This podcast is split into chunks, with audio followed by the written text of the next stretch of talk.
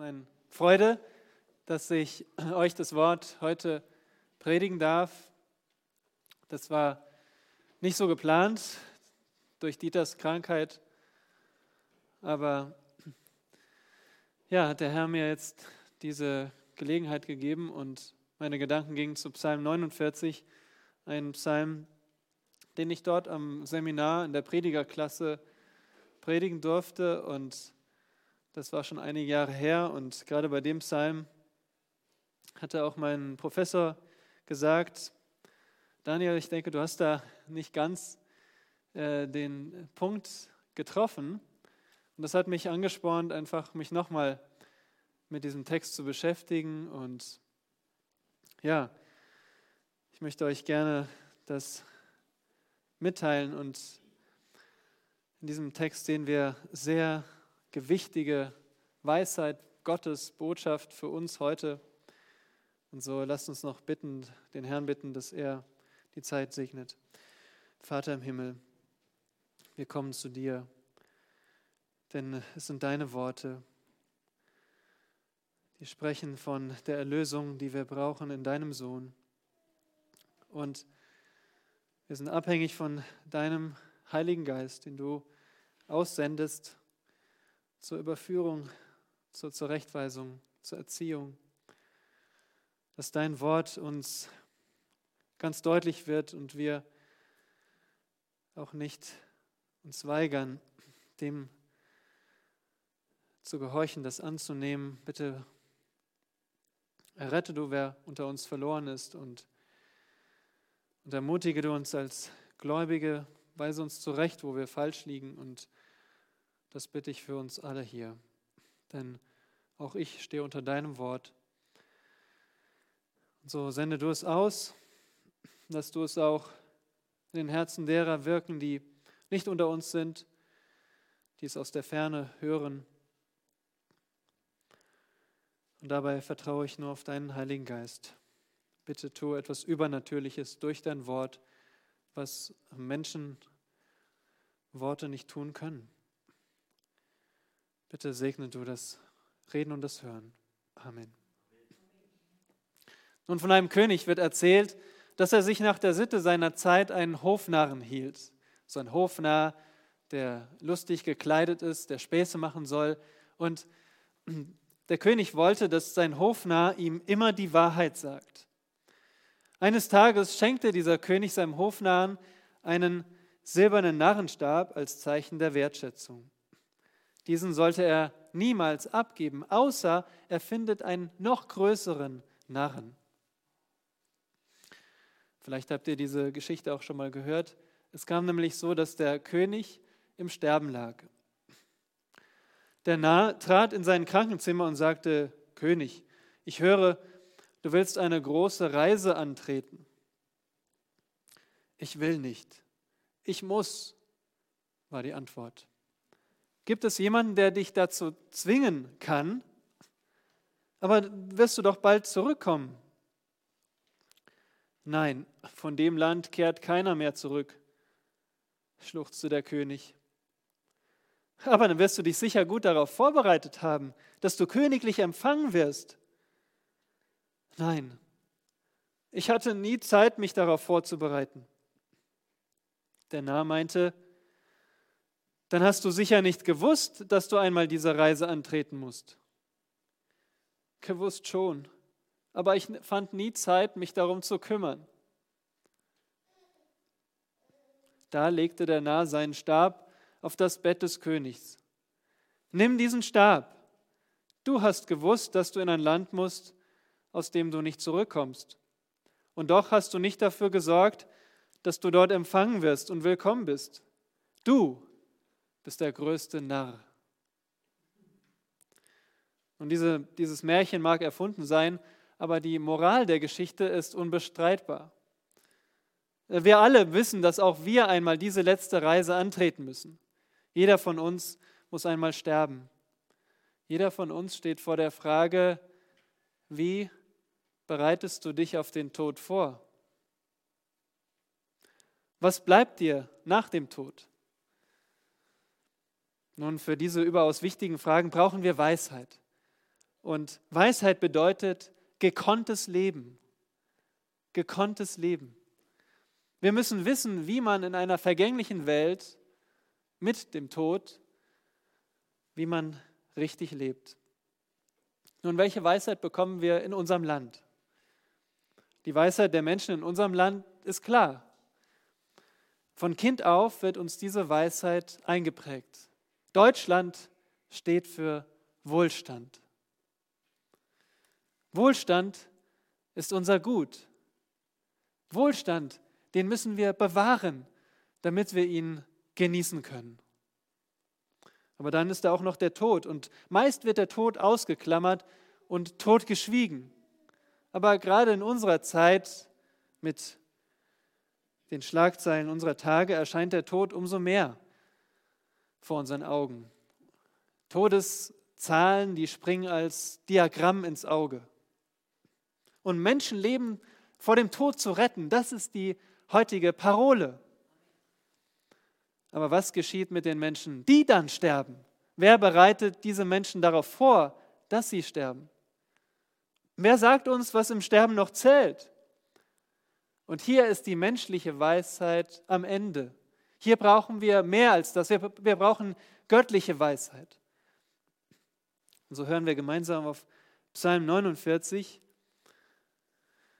Und dort finden wir Gottes Weisheit in einem Psalm der Söhne Choras. Wir haben insgesamt zehn Psalmen der Söhne Choras in den Psalmen. Und ihr kennt sicher den ersten Psalm in der Reihenfolge, Psalm 42, wo es heißt, wie ein Hirsch lechzt nach Wasserbächen, so lechzt meine Seele, o oh Gott, nach dir. Das ist ein Psalm der Söhne Choras. Und so gibt es viele Psalmen, die sich darum drehen, nach, äh, um die Sehnsucht nach Gott. Die Söhne Choras singen von Gott als ihrem Retter, als ihrem König. Sie singen auch von der Gott als dem Bräutigam seiner Braut, Psalm 45. Und sie singen auch von Zion als der Stadt Gottes, wo Jahwe Gott einmal regieren wird. Aber dieser Psalm ist anders. Psalm 49 ist ein Weisheits Weisheitspsalm. Und dabei geht es um das Rätsel, der Reichtum der Gottlosen. Aber dieser Psalm ist kein reines theoretisches Philosophieren, sondern dieser Psalm hat eine, eine konkrete, ein konkretes Problem. Denn die Söhne Koras erlebten, wie sie real bedroht wurden, wie sie schmerzhaft gepeinigt wurden von den Sünden der Reichen in dieser Welt. Und immer wieder in der Zeit des Alten Testaments litten die Gläubigen unter der Unterdrückung durch Reiche. Eine Kostprobe ist zum Beispiel Amos 8, Vers 4 bis 6. Dort lesen wir von Geschäftsleuten in Israel, die es kaum erwarten konnten, wann sie wieder Geschäft treiben konnten. Sie haben also gewartet, wann endlich der Feiertag vorüber ist, dass sie wieder Geschäft treiben und dann wollten sie betrügen, ein falsches Maß benutzen. Sie wollten Schummelware verkaufen und sie wollten die Armen versklaven. Und wisst ihr, um welchen Preis? Nur weil die Armen ihre Schuhe nicht bezahlen konnten. Das waren Männer, äh, das waren die Menschen damals zur Zeit der Söhne Koras. Und so geht der Psalm um dieses Rätsel. Wie kann es sein, dass vermögende Menschen, böse Menschen an Macht und Vermögen kommen? Wie kann man da ruhig bleiben? Äh, wie, wie sollen wir da nicht besorgt sein, dass nicht auch wir bedroht werden durch diese reichen Menschen? Und die Söhne Koras haben mehr zu bieten als nur irgendwelche gut gemeinten Parolen. Sie bieten uns satte Weisheit Gottes, die unser Leben verwandelt. Ja, ich glaube daran. Ich glaube, dass Gott dein und mein Leben verwandeln kann durch diese Weisheit. Es ist lebendiges Wort Gottes, schärfer als jedes zweischneidige Schwert. Und so lasst uns Psalm 49 gemeinsam lesen. Ich lese nach der Schlachter 2000. dem Vorsänger von den Söhnen Koras, ein Psalm. Hört dies, ihr Völker, alle, horcht doch auf, alle Bewohner der Welt, ihr Menschenkinder und Herrensöhne, alle miteinander, reich und arm. Mein Mund soll Weisheit reden und das Denken meines Herzens verständig sein. Ich will mein Ohr zu einer Gleichnisrede neigen und beim lauten Spiel mein Rätsel eröffnen. Warum sollte ich mich fürchten zur bösen Zeit, wenn mich die Missetat meiner Verfolger umringt? Sie verlassen sich auf ihr Vermögen und prahlen mit ihrem großen Reichtum. Und doch vermag kein Bruder den anderen zu erlösen. Er kann Gott das Lösegeld nicht geben. Zu teuer ist die Erlösung ihrer Seelen. Er muss davon abstehen auf ewig, damit er für immer leben könnte, die Grube nicht sähe. Denn er sieht ja, dass die Weisen sterben. Der Tor und der Narr kommen miteinander um und müssen ihr Vermögen anderen überlassen. Ihr Trachten ist, dass ihre Häuser ewig bestehen sollen, ihre Wohnungen auf alle Geschlechter hin. Sie nennen Ländereien nach ihrem Namen. Aber der Mensch in seiner Pracht bleibt nicht.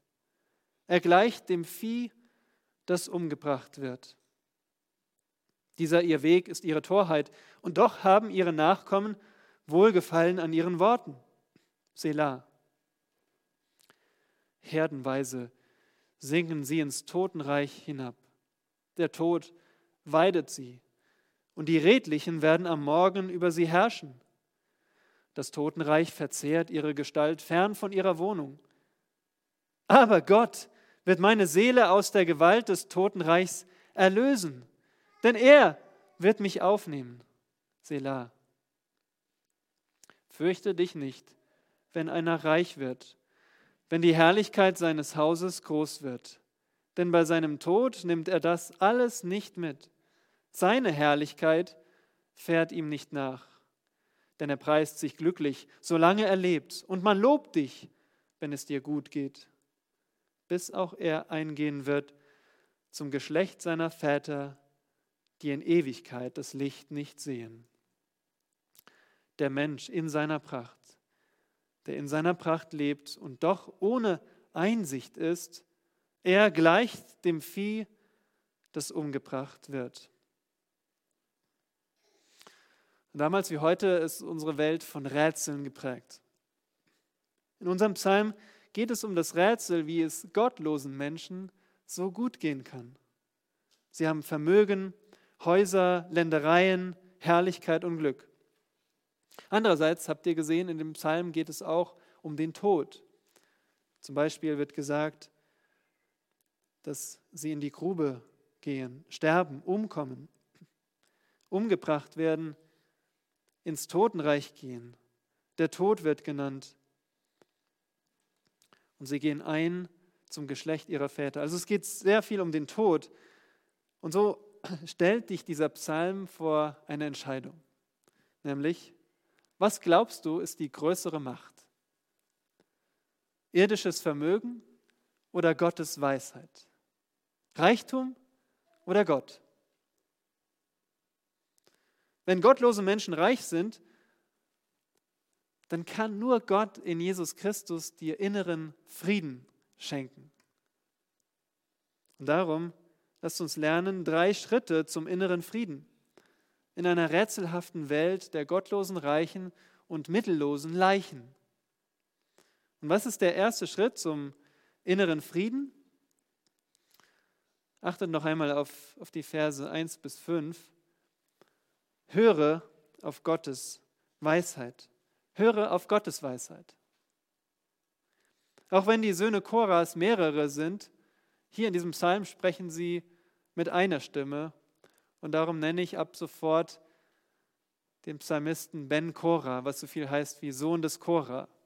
Also Ben Korah beginnt hier mit einer langen Einleitung. Ziemlich lang für einen Psalm. Und das zeigt uns, dass diese Botschaft von Gottes Weisheit so wichtig ist. Deswegen gebraucht er so viele Worte, um seine eigentliche Botschaft einzuleiten. Auf Gottes Weisheit zu hören, ist die alles entscheidende Grundlage. Achtet erstens darauf, es ist eine wichtige Botschaft. In Vers 2 heißt es, hört und horcht doch auf. Das Wort hören bedeutet mehr als nur akustisch zu hören. Es bedeutet Acht zu geben, es zu beherzigen. Nimm es ernst, was ich sage. Spielt und singt Ben Cora. Ihr dürft nicht nur hören, sondern ihr sollt auch danach handeln. Das ist nicht nur Information, das muss dein Leben prägen. Zweitens ist es eine universelle Botschaft. Er sagt, hört ihr Völker alle, alle Bewohner der Welt. Und dieses Wort für Welt bezeichnet die vergängliche Welt. Also es ist gerade für uns, die wir in einer vergänglichen Welt leben, Gottes Weisheit. Schaut in Vers 3, wie er sagt, ihr Menschenkinder und Herrensöhne. Und damit zeigt er uns, er spricht gewöhnliche Menschen an, er spricht solche von hohem Rang an. Die Botschaft geht an alle. Alle miteinander, reich und arm. Egal, was auf deinem Konto ist oder ob du überhaupt ein Konto hast. Ob arm, ob reich, diese Botschaft ist universell. Sie ist drittens göttlich. Achtet auf Vers 4, wo er sagt, mein Mund soll Weisheit reden. Nun, wer ist mein Mund? Mein Mund ist Ben Korah, der Sohn des Korah, der hier spricht. Und die Söhne Korahs waren Leviten. Das heißt, sie haben Gottes Gesetz studiert. Die Leviten waren die Diener in der Stiftshütte. Und zu diesem Stamm gehörten auch dann die Priester, die das Gesetz lehrten. Das heißt, er war nicht nur irgendjemand, sondern die Söhne Koras, die sollten das Gesetz kennen. Und weil Ben Korah das Gesetz kennt, deswegen, wenn er jetzt Weisheit spricht, dann kommt sie von Gott. Außerdem achtet auf das Wort Weisheit. Mein Mund soll Weisheit reden. Und Weisheit ist hier sogar in der Mehrzahl im Hebräischen. Weisheiten. Äh, damit wird es betont. Es ist Große Weisheit.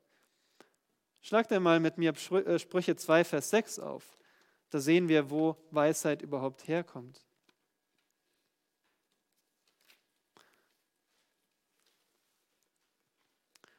In den Sprüchen Salomos, Kapitel 2, spricht Salomo seinen Sohn an und sagt ihm, du musst alles daran setzen, Weisheit zu finden. Aber wo kommt sie her? Denn Jahwe gibt Weisheit. Aus seinem Mund kommen Erkenntnis und Einsicht. Das heißt, diese Weisheit, die Ben Korah weitergibt, die kommt von Gott. Er weiß, dass Weisheit nur von Gott kommt. Außerdem sagt er, dass sein Denken verständig sein soll. Auch dieses Wort verständig finden wir in Psalm 147, Vers 5, wo es heißt, Gottes Einsicht ist ohne Maß. Ein sehr ähnliches Wort. Gottes Einsicht ist ohne Maß. Und dann achtet noch einmal auf Vers 5, wo er sagt, ich will mein Ohr neigen. Interessant, oder? Eigentlich hat er doch seinen Mund geöffnet und will reden. Aber er sagt, ich will mein Ohr neigen. Das bedeutet, er will etwas hören, bevor er spricht. Und damit zeigt er uns, dass er zuallererst auf Gott hört, bevor er sich an die ganze Welt wendet und Weisheit weitergibt. Seine Botschaft ist göttlich. Und deswegen ist sie auch gewiss und von allergrößter Bedeutung für dich und mich. Viertens sehen wir, es ist eine verständliche Botschaft. Er sagt in Vers 5, ich will mein Ohr zu einer Gleichnisrede neigen. Und dieses Wort Gleichnisrede ist wörtlich ein Spruch. Das ist dasselbe Wort, wie die Sprüche genannt werden. Sprüche Salomos. Ich will mein Ohr zu einer, einem Spruch neigen. Wir fragen uns, wo ist denn ein Spruch in diesem Psalm? Ein Spruch ist eine tiefgründige Wahrheit in einem anschaulichen Vergleich. Und diese tiefgründige Wahrheit in einem anschaulichen Vergleich finden wir zweimal in Vers 13 und Vers 21. Der Mensch in seiner Pracht bleibt nicht. Er gleicht dem Vieh, das umgebracht wird. Das ist das Bild, ein Vieh, das umgebracht wird. So ist der Mensch in seiner Pracht. Er sagt aber auch, ich neige mein Ohr, mein, um beim Lautenspiel mein Rätsel zu eröffnen. Ein Rätsel ist eine verborgene Wahrheit, die auch bildlich sein kann. Aber es ist etwas, was verhüllt ist, was erstmal geheimnisvoll ist. Und Ben Korah sagt, ich möchte diese, dieses Rätsel eröffnen.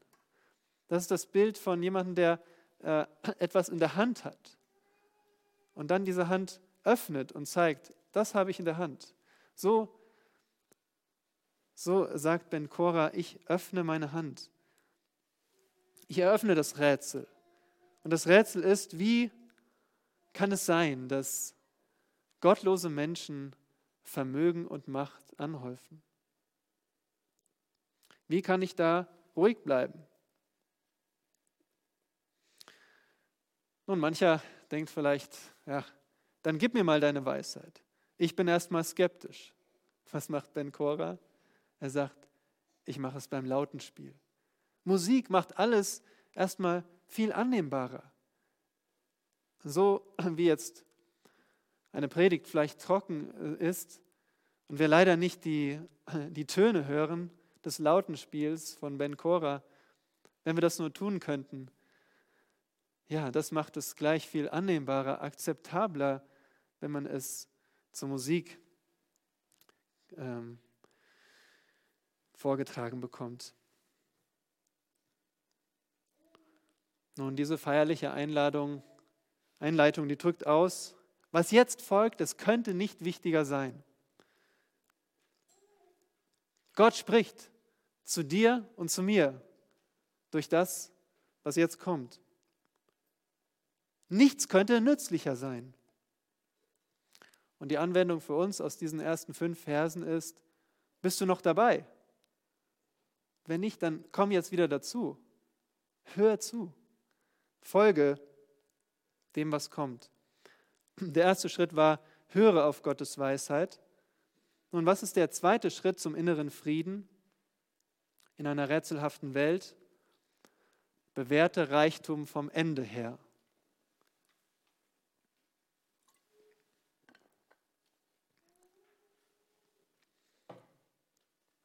Ben Korah, der eröffnet uns jetzt das unausgesprochene Rätsel. Also wie kann es sein, dass böse Menschen Macht und Reichtum anhäufen? Die Lösung ist, den Reichtum vom Ende her zu beurteilen. Der Tod setzt nämlich jedem irdischen Reichtum sein Ende. Und Vers 6 beginnt mit einer rhetorischen Frage. Warum sollte ich mich fürchten zur bösen Zeit, wenn mich die Missetat meiner Verfolger umringt? Was ist denn die böse Zeit? Nun achtet auf den Vers, da heißt es ja, in dieser Zeit, wenn mich die Missetat umringt. Also es ist böse Zeit, weil Böses um mich herum geschieht. Das Wort Verfolger ist hier wörtlich Fersen. Also weil mich die Missetat meiner Fersen umringt. In anderen Worten, die Sünden sind ihm auf den Fersen. Die Sünden anderer Menschen. Sie sind wie eine Schlange hinterm Her und jederzeit bereit, ihn zu attackieren. Wie könnte man da so ruhig bleiben? Was sind das eigentlich für Menschen, die er hier beschreibt? Schaut in Vers 7. Es sind Menschen mit Vermögen.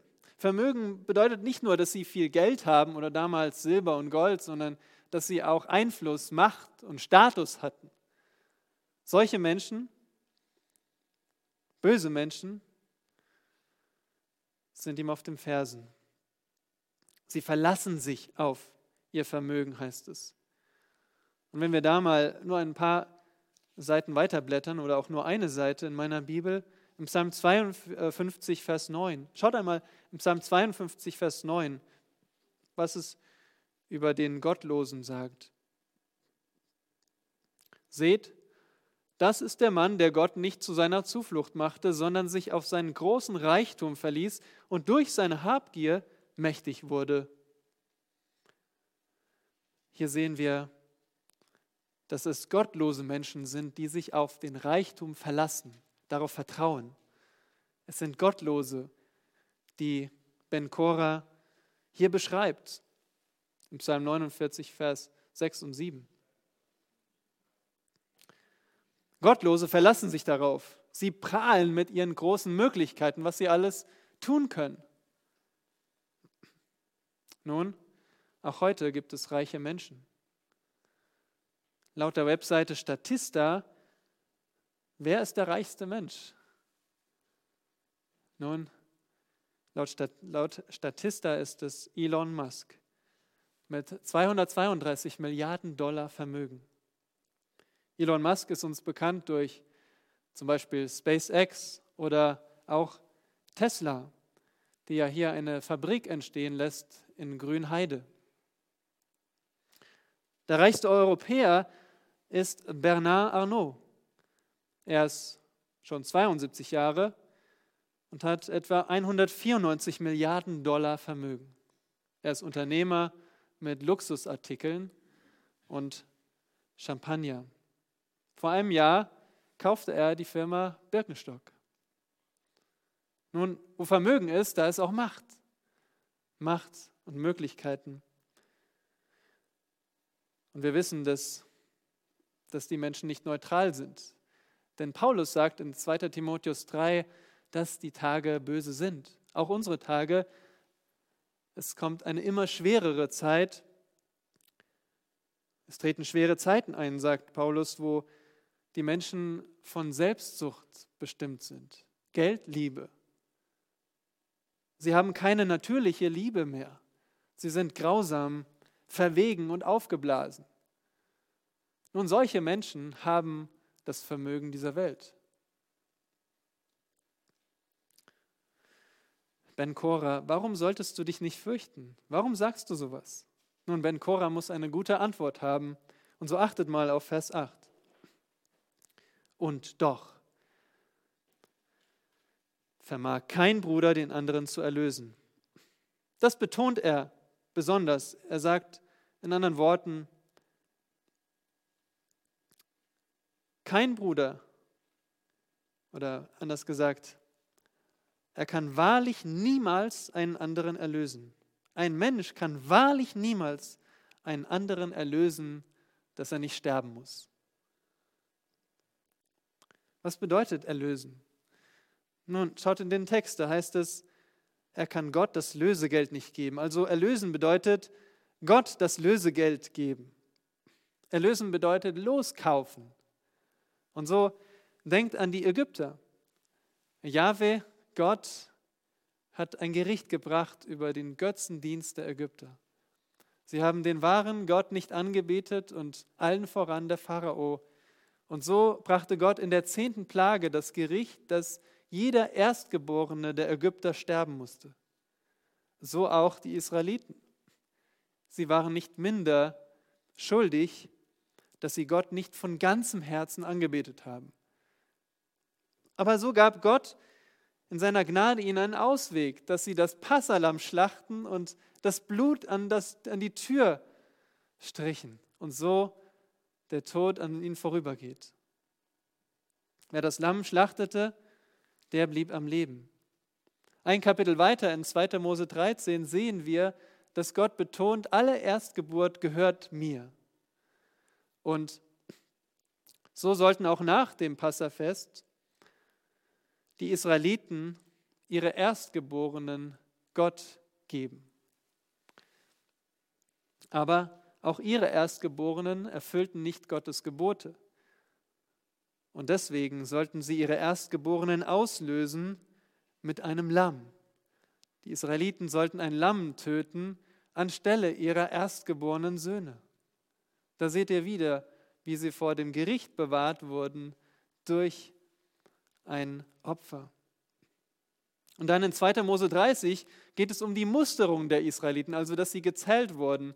Und dabei sollten sie für jede Seele ein Sühnegeld geben. Ein Sühnegeld, damit keine Plage über sie kommt. Wieder zeigt Gott ihnen das Prinzip der Erlösung. Ihr bezahlt und das Gericht geht vorüber. Nun, es hat einen Preis, Gottes gerechtmäßigem Zorn zu entgehen. Es hat einen Preis, dem Zorn Gottes zu entgehen. Denn Gott sagt uns in Römer 6, Vers 23, denn der Lohn der Sünde ist der Tod. Keiner von uns kann Gott zufriedenstellen und sein Gericht abwenden. Nicht mal das Vermögen von Elon Musk oder allen Reichen dieser Welt könnten Gott zufriedenstellen. Keiner kann sich das ewige Leben erkaufen. Keiner kann Gott sein Geld bezahlen, damit er nicht sterben muss. Warum? Beachte diesen wichtigen Vers in Vers 9. Zu teuer ist die Erlösung ihrer Seelen. Er muss davon abstehen auf ewig. Der ganze Reichtum dieser Welt reicht nicht aus, um nur einen Menschen vor dem körperlichen Tod zu bewahren. Hört auf die Worte unseres Herrn in Matthäus 16, Vers 26. Bekannte Verse.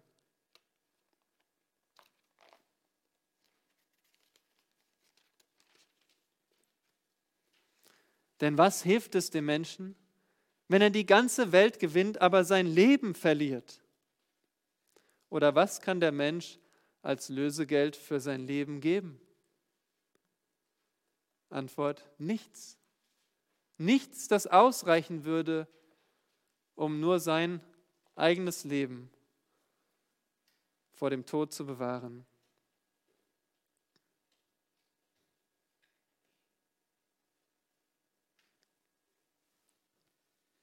Warum aber ist die Erlösung so teuer? Nicht, weil wir so viel wert sind, sondern weil Gott so viel wert ist. Du und ich, wir wurden zu Gottes Ehre geschaffen. Und wir ehren Gott, wenn wir ihn vom ganzem Herzen lieben, ihm vertrauen und nach seinen Geboten handeln. Versagen wir darin, dann haben wir den Allerhöchsten verunehrt. Und das wieder gut zu machen, kostet sehr viel.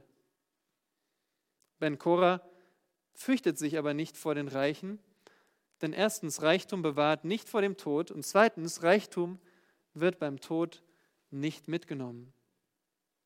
Schaut auf Vers 11. Da sagt er uns, denn er sieht ja, dass die Weisen sterben, der Tor und der Narr kommen miteinander um und müssen ihr Vermögen anderen überlassen. Also wer sich auf sein Vermögen verlässt, der muss einmal mit ansehen, wie die Menschen um ihn herum sterben. Und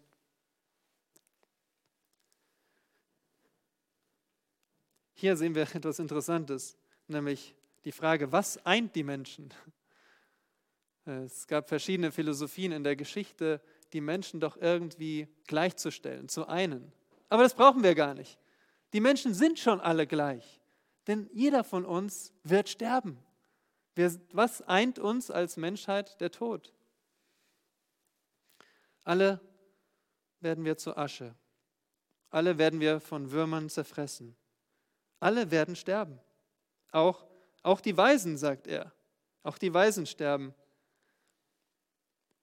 Nun, die Reichsten, der Mensch, die Reichsten dieser Menschheit hätten sich sicher schon von dem Tod erlöst, wenn sie das könnten. Aber die bittere Realität, dass alle sterben, zeigt, dass es eine falsche Hoffnung ist, auf den Reichtum zu vertrauen. Denn wer stirbt, der gibt sein Vermögen ab. Können wir eigentlich in diese Gedanken der Reichen Einblick nehmen? Schaut mal auf Vers 12. Wir wissen sogar, was die Reichen bewegt. Hier steht, ihr Trachten ist. In anderen Worten, ihr Inneres, dass was sie wirklich in sich drin denken, ist, sie wollen es nicht wahrhaben, dass die Dinge einmal vergehen. Man lebt, als ob es kein Ende gibt. Ja? Den Tod, den blendet man aus. Was zählt, ist die Partnerschaft, die Familie, das Haus, die Ausstattung, ach, dass es doch immer so weiterginge, dass, dass es einfach kein Ende gibt. Das wäre das Schönste für die Menschen und das, das wollen sie wahrhaben. Es bleibt einfach so, wie es ist. Doch selbst Reiche wissen, dass sie sterben müssen. Seht ihr in Vers 12, sie nennen Ländereien nach ihrem Namen. Also sie, wollen, sie wissen, dass sie einmal sterben und deswegen möchten sie ihren Namen wenigstens noch in dieser Welt belassen. So wie der biblische Kain, der nannte seine Stadt Henoch nach seinem Sohn. Das wenigstens der Name seines Sohnes die Zeit überdauert. Oder heute las ich von einem senegalesischen Rapper, Akon, der eine Stadt mit Namen Akon City bauen will. Eine Stadt, die den Namen in der Welt behält. Und was musst du verstehen, um Reichtum zu bewerten? In einem Spruch zusammengefasst siehst du es in Vers 13. Aber der Mensch in seiner Pracht bleibt nicht. Er gleicht dem Vieh, das umgebracht wird. Der reichste Mensch ist wie das Vieh, das umgebracht wird. Ein, ein Tier, das zum Schweigen gebracht wird, wörtlich. Und dabei geht es nicht darum zu sagen, dass Menschen Tiere sind. Nein, Menschen sind im Ebenbild Gottes geschaffen. Aber wenn sie nicht auf Gott hören und wenn sie für ihren Reichtum leben, dann sind sie, sie sind wie, wie das Vieh, das, das ebenso vergeht. Und ich persönlich habe hab nicht so viele Berührungspunkte mit, mit Tieren, die hier genannt werden, mit Vieh, das damals getötet wurde, das geopfert wurde, das gegessen wurde. Das ist irgendwie äh, uns Städtern so fern. Wir bekommen das nicht mit. Wir bekommen höchstens mal mit, wenn ein toter Vogel auf der Straße liegt. Aber den damaligen Empfängern muss es sehr deutlich gewesen sein, dieses Bild eines, eines toten Tieres, das sich nicht mehr regt. So bin ich. Ich werde genauso einmal reglos sein. Und ich möchte zu euch jungen Menschen sprechen. Das Leben scheint noch vor euch zu sein. Ja, viele Möglichkeiten stehen euch offen. Aber wofür wirst du leben? Wann wirst du an den Tod denken? Denke an deinen Schöpfer in den Jugendjahren. Denke täglich daran, dass du einmal sterben wirst, denn das hilft dir zu verstehen, was wird dir dann bleiben. Der Psalm spricht auch zu euch, die ihr nicht viel Vermögen habt. Großen Reichtum und Sorglosigkeit, das, das kennt ihr gar nicht. Ihr habt nicht viel. Und ich will euch ermutigen, gräme dich nicht, wenn du nicht viel hast. Geldanlagen und ein volles Konto, das macht deinen Wert nicht aus. Nun, anderen von euch hat Gott mehr Besitz anvertraut. Ihr vergrößert euren Besitz. Ihr kauft euch ein Haus. Ihr baut euch ein Haus. Nun, was suchst du darin? Suchst du die Ruhe in diesem Leben? Suchst du die Herrlichkeit auf der Erde? Verlass dich nie auf deinen Besitz. Es ist wie das Laufen auf dünnem Eis. Es kann jederzeit vorbei sein. Also bewährte Reichtum vom Ende her. Und was ist der dritte Schritt zum inneren Frieden in einer rätselhaften Welt? Suche ewige Erlösung vom Tod. Schaut mit mir auf diesen letzten Teil im Psalm ab Vers 14. Ben Korah hat uns schon zwei Gründe gegeben, warum die reichen Gottlosen nicht zu fürchten sind. Reichtum bewahrt nicht vor dem Tod. Reichtum wird beim Tod nicht mitgenommen. Und in seinem dritten Grund, blickt er über den Tod hinaus, auf das ewige Schicksal, was nach dem Tod kommt. Und da finden wir eine frohe Botschaft für jeden, der Gott glaubt. Vers 14 erklärt uns, warum sich die Welt bis heute nicht geändert hat. Hier heißt es, dieser Weg, den die Reichen einschlagen, an dem haben auch ihre Nachkommen wohlgefallen. Immer noch zählt in dieser Welt Macht und Geld. Immer noch wird der Tod ignoriert. Warum? Nun, jede Generation gibt diesen Lebensstil an die Kinder weiter.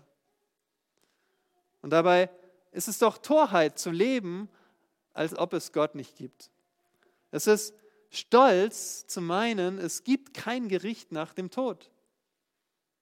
Warum sagen die Kinder nicht Stopp dazu? Warum sagen sie nicht, hört auf, Eltern, wir wollen das nicht hören, wir wollen das nicht tun?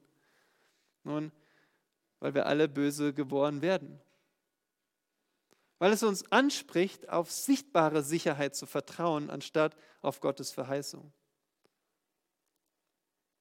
Weil es anziehend ist, für das Hier und Jetzt zu leben, anstatt für das Jenseits. Oh, wenn wir nur alle sehen würden, was nach dem Sterbebett kommt. Vers 15 malt es uns vor Augen. Herdenweise sinken sie ins Totenreich hinab. Ein, ein Bulle könnte sich wehren gegen das, was mit ihm geschieht. Aber hier heißt es herdenweise, in anderen Worten wie Schafe, wörtlich. Wie Schafe sinken sie ins Totenreich hinab. Der Tod weidet sie der Tod ist der Hirte im Totenreich. Wie ein wehrloses Schaf gehen die Gottlosen ins Totenreich. Und dort wartet kein guter Hirte auf sie. Dort wartet der Tod selbst und er weidet sie.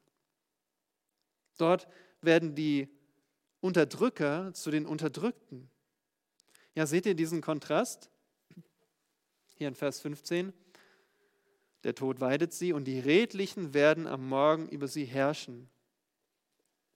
Die Redlichen werden herrschen. Wer sind die Redlichen? Anders übersetzt, die Aufrichtigen. Schaut einmal im Psalm 64, Vers 11. Ist auch nicht weit zu blättern. Psalm 64 am Psalm Davids. Da gebraucht er dieses Wort für redlich oder aufrichtig. Und er sagt, der Gerechte wird sich freuen in Jahwe und auf ihn vertrauen. Und alle aufrichtigen Herzens werden sich glücklich preisen. Also die Aufrichtigen, das sind die Gerechten. Wer ist gerecht? Nun, niemand ist gerecht. Äh, gerecht können wir nur sein, wenn Gott uns seine Gerechtigkeit zurechnet. Und wenn wir auf Gott vertrauen durch den Glauben kann Gott uns Gerechtigkeit zurechnen. Der Gerechte freut sich auch in Jahwe, heißt es im Psalm 64. Und er gehorcht Jahwe von Herzen. Ein gerechter Mensch ist ein Gläubiger, den Gott durch den Glauben gerecht spricht, der sich an Gott freut und der ihm gehorchen will, weil Gott ihn errettet hat. Diese Gerechten werden herrschen, sagt Ben Kora. Und dieses Wort herrschen ist ein seltenes Wort und es tritt am erst, das erste Mal auf, ganz am Anfang in 1. Mose 1, Vers 26. Lasst uns Menschen machen nach unserem Bild, uns ähnlich. Die sollen herrschen. Die sollen über die Erde herrschen. Nun, Adam und Eva haben dieses Ziel nicht erreicht. Sie haben das, den Auftrag nicht erfüllt in Gerechtigkeit über die Erde zu herrschen. Und hier sehen wir die Erfüllung. Hier sehen wir die Aufrichtigen, die Gerechten, die einmal über diese Erde herrschen werden. Und wann werden sie das tun? Am Morgen. Was? Morgen schon? 7. Februar? Nein. Am Morgen. Der Morgen kommt nach der Nacht. Und das Interessante ist, dass in den Vers 13 in dem Spruch heißt es, aber der Mensch in seiner Pracht bleibt nicht. Und dieses Wort bleibt nicht bedeutet wörtlich, er kann nicht einmal übernachten. Versteht ihr? Also das Leben auf dieser Erde ist so kurz, dass es eigentlich wie eine Übernachtung ist. So kurz. Aber er schafft es nicht mal auf dieser Welt mit seiner Herrlichkeit zu übernachten, der Reiche. Was passiert am Morgen? Am Morgen herrschen die Redlichen. So, so bald ist es in Gottes Augen, dass sein Plan in Erfüllung geht. Nun siehst du den Prunk der Reichen vor dir, ihre Villen, ihre Porsches, ihre Lamborghinis, ihre Ferraris, ihre Yachten, ihre Privatjets, ihre Gärten, ihre feinen Kleider, ihre stattliche Figur. Und jetzt sind sie fern davon, im Totenreich. Der Tod hat alles Materielle aufgefressen. Und da müssen wir alle hin. Gibt es irgendeinen Ausweg vor dem Tod? Vers 16. Aber Gott wird meine Seele aus der Gewalt des Totenreichs erlösen, denn er wird mich aufnehmen. Was kann ein Mensch tun, dass er vom Tod erlöst wird? Wir haben gesagt, gar nichts. Er kann nicht sein ganzes Geld hingeben und nicht sterben müssen. Aber Gott, Gott kann erlösen. Merkt er, wie Ben Korah sein ganzes Herz in diesen Vers legt? Aber Gott, er betont es und stellt es an den Anfang. Aber Gott wird mich erlösen, sagt er.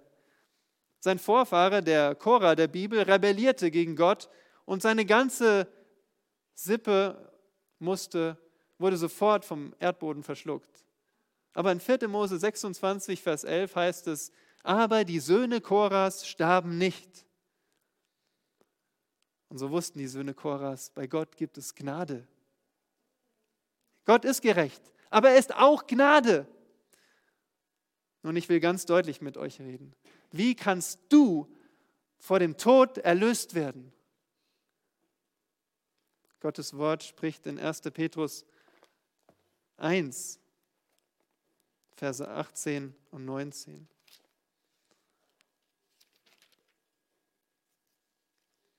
Denn ihr wisst ja, dass ihr nicht mit vergänglichen Dingen, mit Silber oder Gold, losgekauft worden seid aus eurem nichtigen, von den Vätern überlieferten Wandel, sondern mit dem kostbaren Blut des Christus als eines makellosen und unbefleckten Lammes. Was braucht es, um uns zu verdammen? Nur eine Lüge. Nur ein Moment Hass. Nur ein falsches Begehren. Nur einen Augenblick Gott nicht von ganzem Herzen zu lieben. Du und ich, wir haben, wir haben einmal übertreten. Wir haben viele Male Gottes Gebot übertreten. Von Geburt an leben wir ein böses, vor Gott wertloses Leben im Ungehorsam. Das steht hier. Ein nichtiger, ein nichtiger, ein wertloser, von den Vätern überlieferter Wandel. Ein Lebensstil. Nicht ein Tat, nicht ein Ausrutscher. Ein Lebensstil, der Gott nicht gefällt, den Gott verabscheut. Das ist unsere große Schuld. Kein Geld, kein Gold, kein Bitcoin kann uns von Gottes Zorn erlösen. Keine Kirche, keine Werke können deinen Lebenswandel bei Gott akzeptabel machen. Dein ganzes Wesen ist übel. Siehst du das? Aber höre auf diese gute Botschaft. Erlösung hat stattgefunden. Hier heißt es doch, ihr wisst ja, dass ihr nicht mit vergänglichen Dingen losgekauft worden seid. Ihr seid losgekauft worden. Womit? Mit dem kostbaren Blut des Christus. Christus. Jesus Christus ist das einzig annehmbare Opfer für Sünden. Und er starb am Kreuz von Golgatha. Das war die volle Strafe für Sünder wie dich und mich. Gottes Wort sagt, er war das makellose und unbefleckte Lamm. Er lebte kein wertloses Leben, sondern ein gerechtes Leben. Und deswegen war er, konnte er auch das Opfer sein. Wisst ihr, er lebte so, wie du und ich leben sollten. Jesus Christus ist Gottes Sohn, der Mensch wurde, um das Leben zu leben, das du und ich leben sollten. Und nur so wurde Christus zum angemessenen Opfer für deine und meine große Sünde vor Gott. Wer ist dieser Christus? Er ist der König der Könige. Er ist der heilige Sohn Gottes, der in seinen Predigten deine und meine Sünde verurteilte. Er predigte, jeder Hass ist Mord. Er predigte, jede falsche Lust ist Ehebruch. Jedes falsche Schwören ist Lüge. Und in seinem Tod verurteilte er deine und meine Sünde am Kreuz. Er zeigte, so schlimm ist die Beleidigung Gottes, die Übertretung unserer durch unsere Sünden. Aber in seinem Tod am Kreuz verurteilt er deine Sünde, aber er ruft dich auch zur Umkehr. Kehr um zu Jesus Christus. Glaube an ihn und du bist erlöst. Glaube an Jesus und du lebst ewig. Warum? Jesus ist auferstanden von den Toten. Er lebt. Weil er lebt, wirst auch du leben. Wenn du als Gläubiger stirbst, dann wird Gott dich aus dem Tod erlösen. In der Zukunft. Das sagt Paulus zum Beispiel in Römer 8, Vers 22 bis 23. Oder in Epheser 4, Vers 30. Er spricht von einer zukünftigen Erlösung, denn wenn wir auch alle körperlich sterben sollten, so wird Gott uns einen neuen Leib schenken, der ewig lebt. Glaubst du Jesus, dann rufe ihn an im Gebet. Jeder, der den Namen des Herrn anruft, wird errettet werden. Und das ist die frohe Botschaft von Psalm 49. Seht noch einmal im Psalm 49, Vers 16. Ben Korah erwartet nicht nur die Erlösung, er sagt auch, denn er, Gott, wird mich aufnehmen.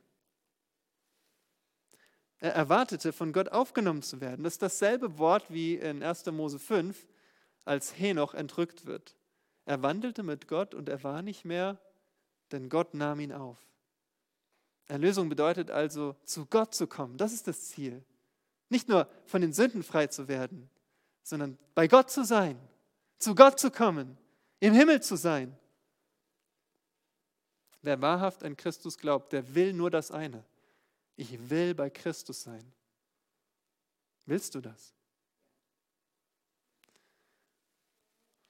Nun, in den letzten Versen von Psalm 49 finden wir einen einzigen Aufruf, diesen einzigen Aufruf in diesem Psalm in Vers 17. Fürchte dich nicht. Und das ist die logische Anwendung.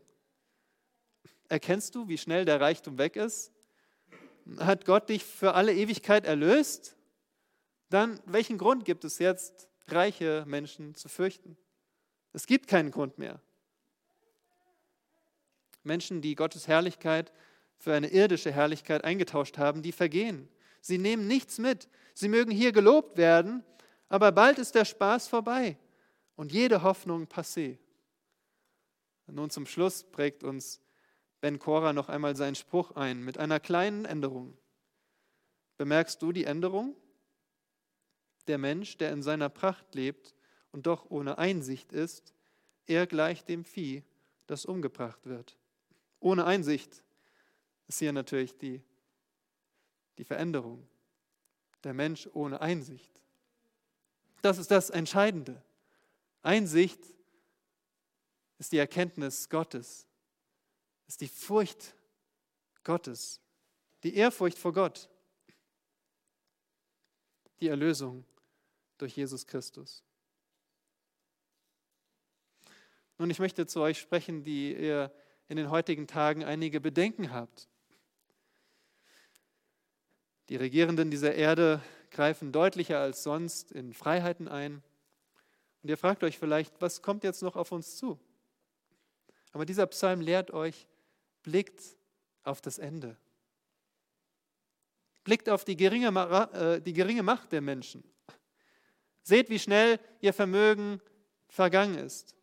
Vertraut auf Gott, den Erlöser. Ich möchte auch zu euch sprechen, die ihr mit mit mir in diesem Weltsystem lebt, wo man leisten muss, um zu verdienen. Ja, du lebst in diesem Strom der Menschen, die aufwärts streben, die Einkommen und Vermögen vermehren wollen für sich und für ihre Familie. Und du passt da nicht hinein. Du, du willst zum Herrn. Aber ich rufe dich auf, harre aus in diesem System. Blick auf das baldige Ende. Ehre den Herrn inmitten der Menschen, die nach Einkommen und Vermögen streben.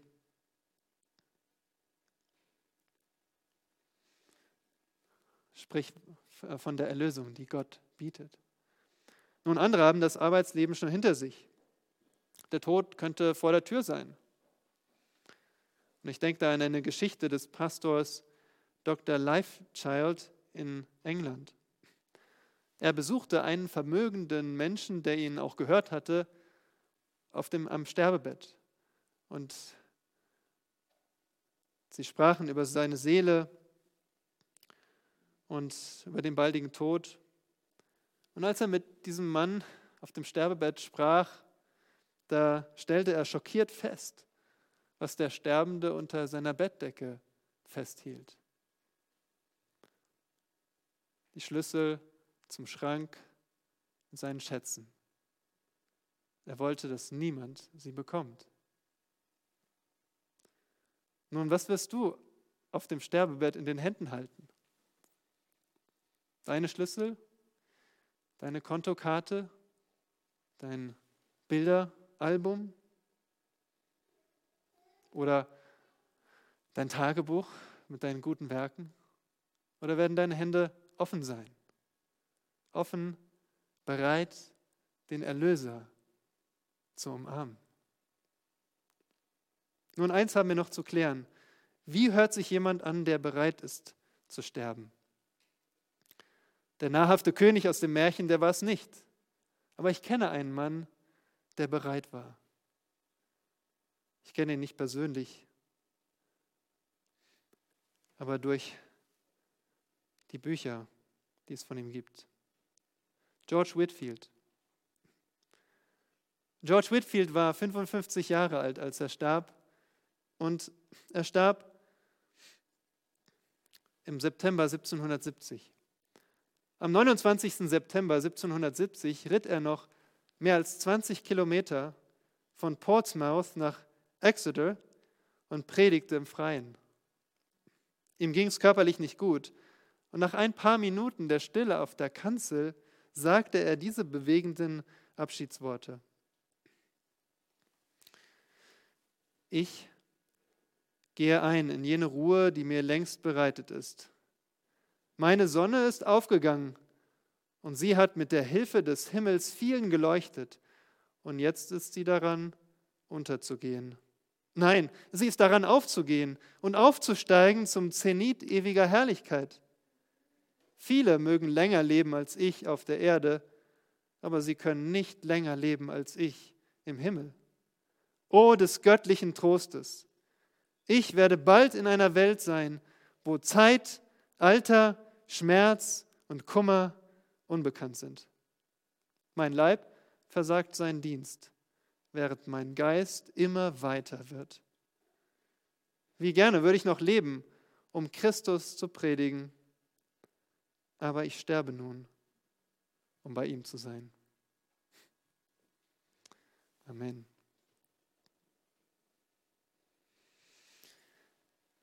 Unser Vater im Himmel, danken dir für dein Wort, das uns die bittere Realität des Todes auch zeigt.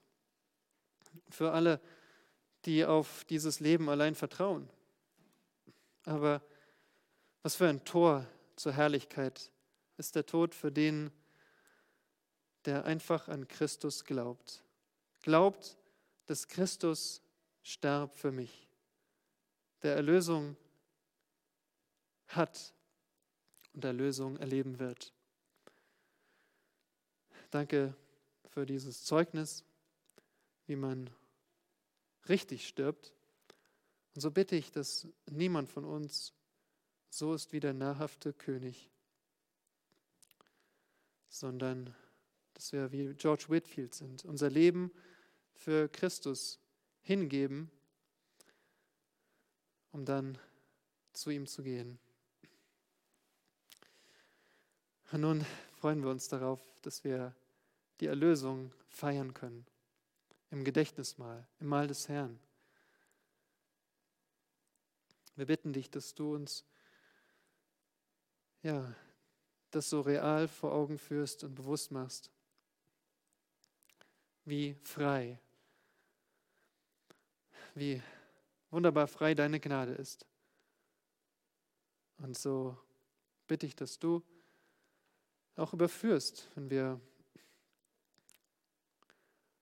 an Zorn und Streit unter Geschwistern festhalten, dass wir das ablegen, dass wir vereint das Mahl des Herrn feiern und dass du auch rettest, wer immer unter uns verloren ist. Amen.